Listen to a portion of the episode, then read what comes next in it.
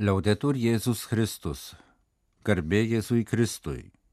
Kalba Vatikano radijas.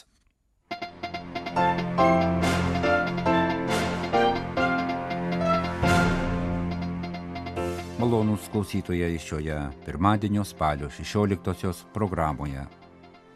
Popiežiaus Pranciškaus žinia pasaulinės maisto dienos proga.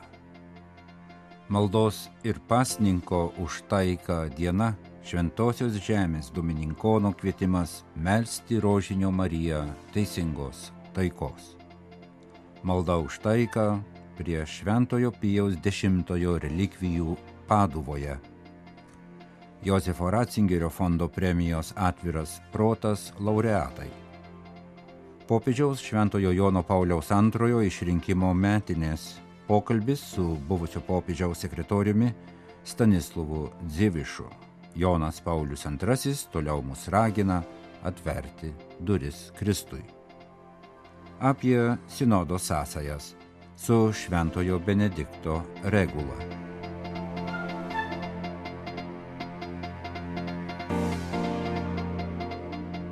Spalio 16-ąją kasmet minima pasaulinė maisto diena, kuria siekiama atkreipti dėmesį į maisto stokos pasaulyje problemą. Spalio 16-oji tai ir Junktinių tautų maisto ir žemės ūkio organizacijos FAO įkūrimo 1945 metais sukaktis. Šią progą popiežius Pranciškus parašė laišką FAO generaliniam direktoriui Ku Dongju. Popiežius rašo, kad šiais laikais dėl bado arba nepakankamos ir prastos kokybės mytybos kenčia dar labai daug pasaulio gyventojų. Dėl šios padėties labiausiai kalti nuo seno pasaulyje susikaupę neteisingumas ir neligybė. Tai pasakytina ne tik apie maistą, bet ir apie visus pagrindinius išteklius, kurių nepasiekiamumas žaidžia daugybės žmonių orumą.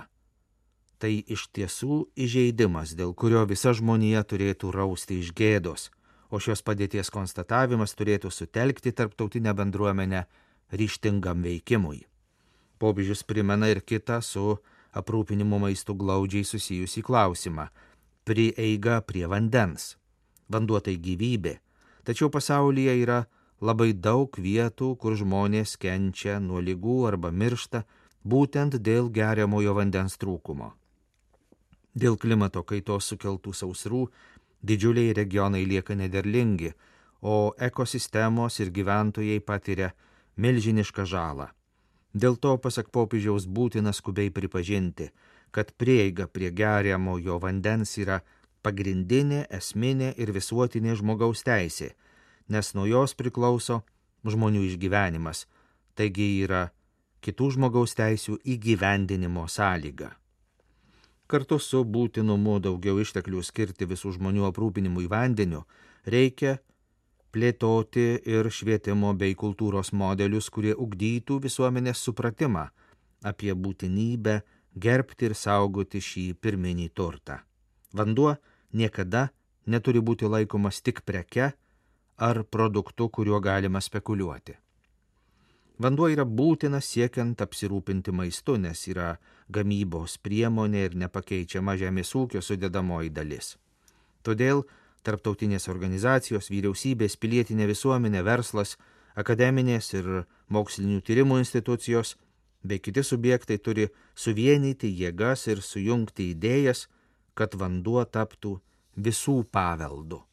Popiežius rašo, kad ypač šiuo metu vykstantys karai parodė, kad finansiniai ištekliai ir novatoriškos technologijos, kurios galėtų būti panaudotos tam, kad vanduo taptų visų gyvenimo ir pažangos šaltiniu, nukreipiamos ginklų gamybai ir prekybai. Pasak Pranciškaus matome, kad dar niekada nebuvo taip svarbu siekti dialogo ir kurti taiką.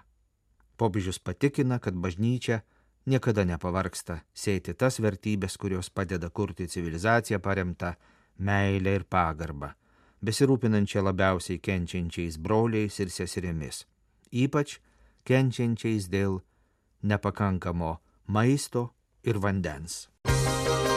Šventosios žemės krikščionys šį antradienį spalio 17 dieną paskelbė maldos ir pasninko už taiką diena.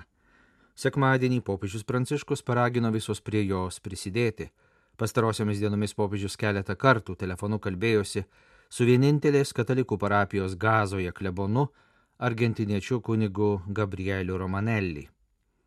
Apie gazos katalikus ir maldą už taiką interviu Junktinių valstijų katalikų žinių portalui National Catholic Reporter kalbėjo amerikietis dominikonas, Jeruzalės Biblijos mokyklos dėstytojas tėvas Anthony Jambron. Nors gazos ruožė gyvenantys krikščionys nėra konflikto taikiniai, jie atsidūrė itin sunkioje padėtyje nes jų namai yra šiaurinėje gazos ruožo dalyje, kurioje yra dauguma Izraelio oro pajėgų ir kariuomenės puolamų taikinių. Sudarydami tik pusę procento vietos gyventojų ir gyvendami labai sunkiomis sąlygomis, krikščionys gazos ruožiai yra labai veiklus. Vienintelė ten esanti katalikų parapija priklausanti Jeruzalės lotynų patriarchatui turi vieną geriausių mokyklų visame regione. Šiandien labiausiai bijoma, kad situacija gazoje netaptų nekontroliuojama ir nevirstų didesnio regioninio karo pradžia, ko beje Hamas siekia. Klausiamas, ką popiežius galėtų padaryti siekiant sprendimo, Dominikonas atsakė, kad šiuo atveju svarbiausia melstis už kenčiančius žmonės ir prašyti Dievą teisingos taikos. Jeruzalės Dominikonas paminėjo popiežių Pijų V, beje taip pat Dominikoną, kuris prieš prasidedant krikščionių ir turkų jūrų mūšiui prie Lepanto XVI amžiaus pabaigoje ragino tikinčiosius melstį rožinio Marijos užtarimo. Dabar popiežius vėl gali suvienyti viso pasaulio tikinčiosius užtarimo maldai, už teisingos taikos pergalę šiame konflikte, sakė tėvas Antony Džambron. Kalba Vatikano radijas, tęsime programą. Šventojo Pijaus dešimtojo popiežiaus raginusio visą atnaujinti Kristuje palaikų sarkofagas nuo pirmadienio spalio 16 dienos išstatytas tikinčiųjų pagarbinimui Paduvos katedroje. Spalio 17 dieną maldos vigilija prie Šventojo popiežiaus kapo Paduvoje skirta taikai šventojoje žemėje maldos bendrystėje su Jeruzalės patriarchais, Romos vyskupų ir visuotinė bažnyčia. Pirmojo 20-ojo amžiaus popiežiaus Šventojo Pijaus X žemiški palaikai paprastai laikomi Šventojo Petro bazilikos altorijoje, Paduva pasiekė po palaikų piligrimystės į Trevizą ir Riezę surengtos minint iš Riezės kilusio popiežiaus Pijaus X Giuseppe Melchiore Sarto išrinkimo 120-asias metinės. Šiaurinės Italijos spaudos pranešimuose pažymima, kad relikvijų piligrimystė spalio 16-15 dienomis į Trevizą ir popiežiaus gimtąjį Riezės miestelį viršijo rengėjų lūkesčius.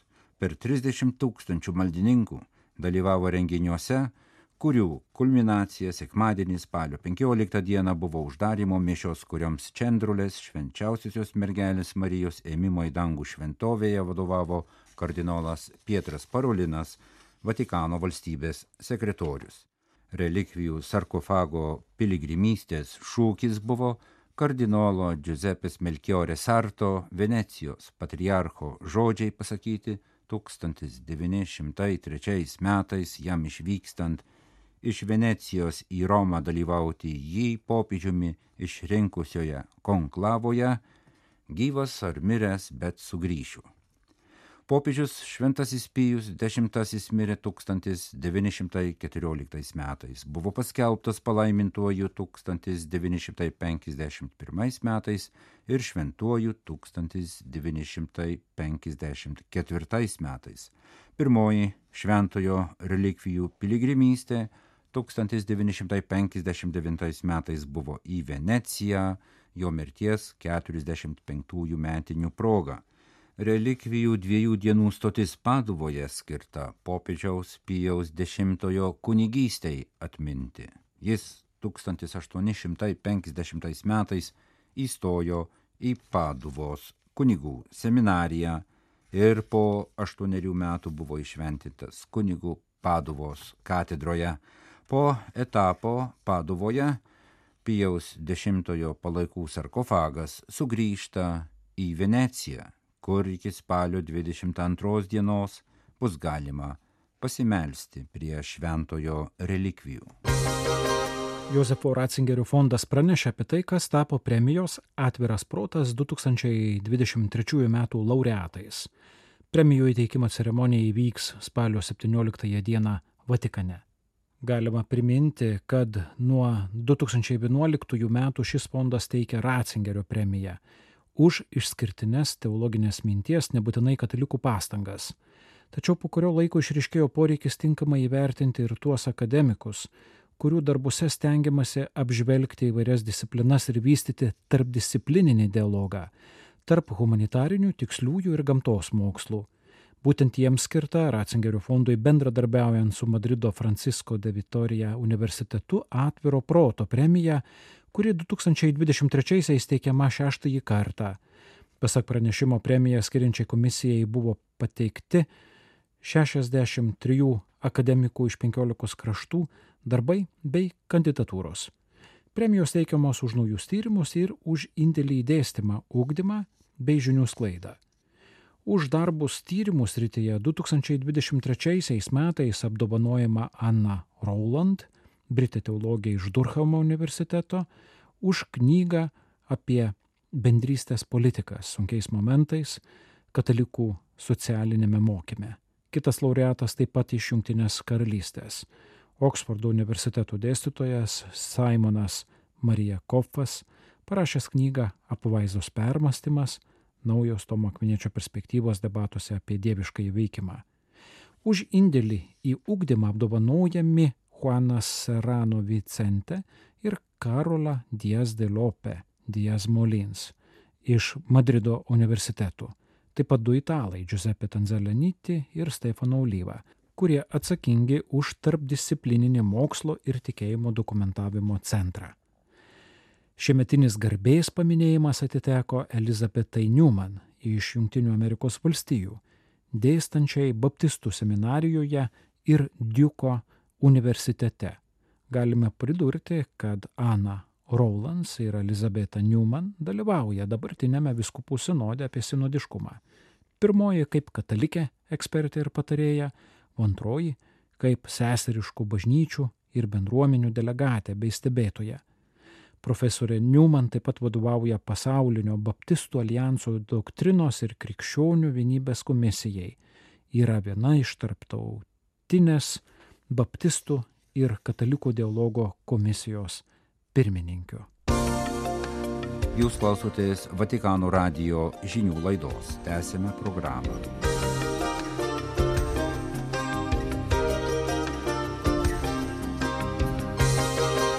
Raginimas nebijoti atverti durų Kristui tebe aidi. Šventojo Jono Pauliaus antrojo popiežystės vienos ilgiausių istorijoje žinia tebėra girdima, sako buvęs jo asmeninis sekretorius dabar 84 metų kardinolas Stanislavas Dzivišas Krokovos arkivyskupas emeritas.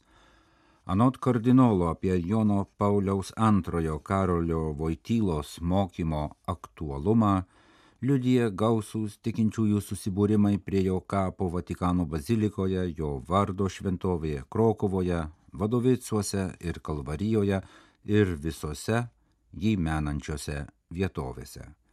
Kardinolas pokalbėje su Vatikano radiju Karolio Vojtylos išrinkimo popiežiumi 45 metinių išvakarėse sakė, kad Jono Pauliaus antrojo mokymas ir gyvenimo būdas gali įkvėpti jaunimą, tačiau svarbu, kad jo mokymas būtų pristatomas nūdienos jaunimui suprantama kalba.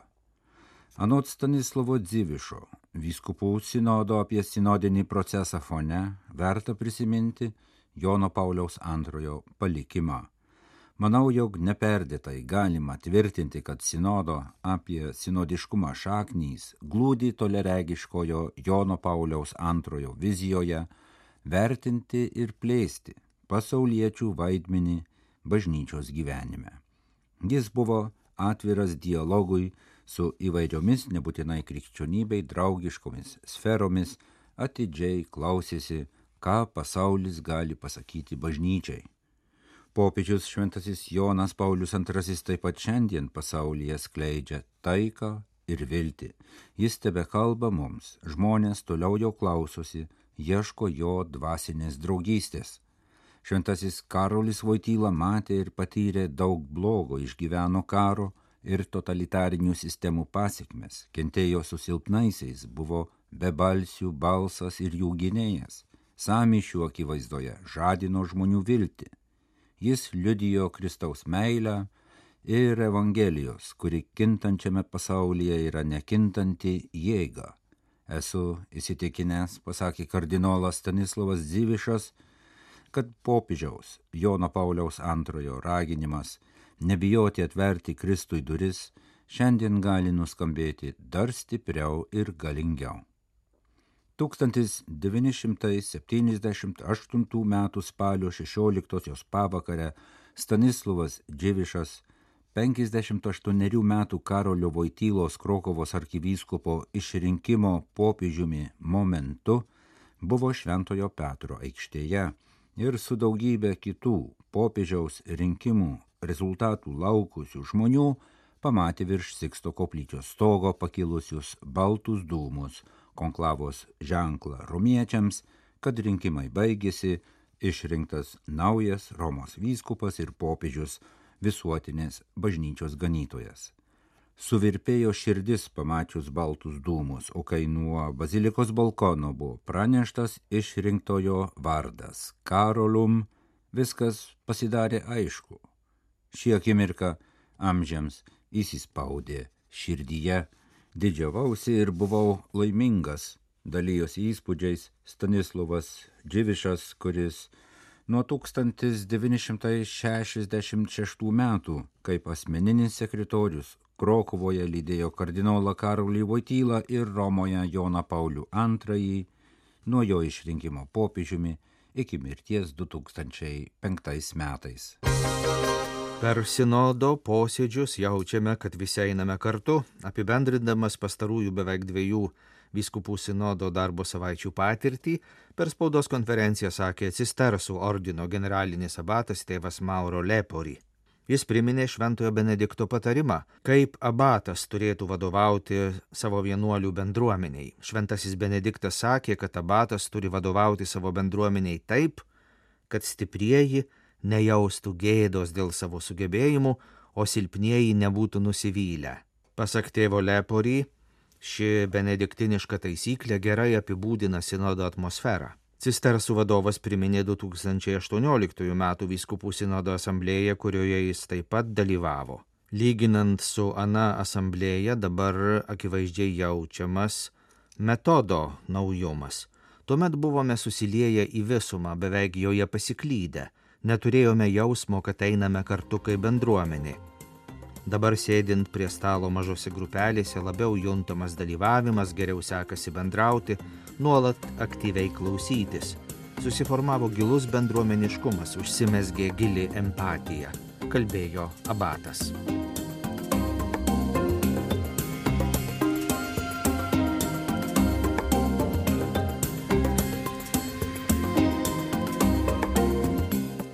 Kalba Vatikano radijas, laidą lietuvių kalba baigime garbė Jėzui Kristui, laudetur Jėzus Kristus.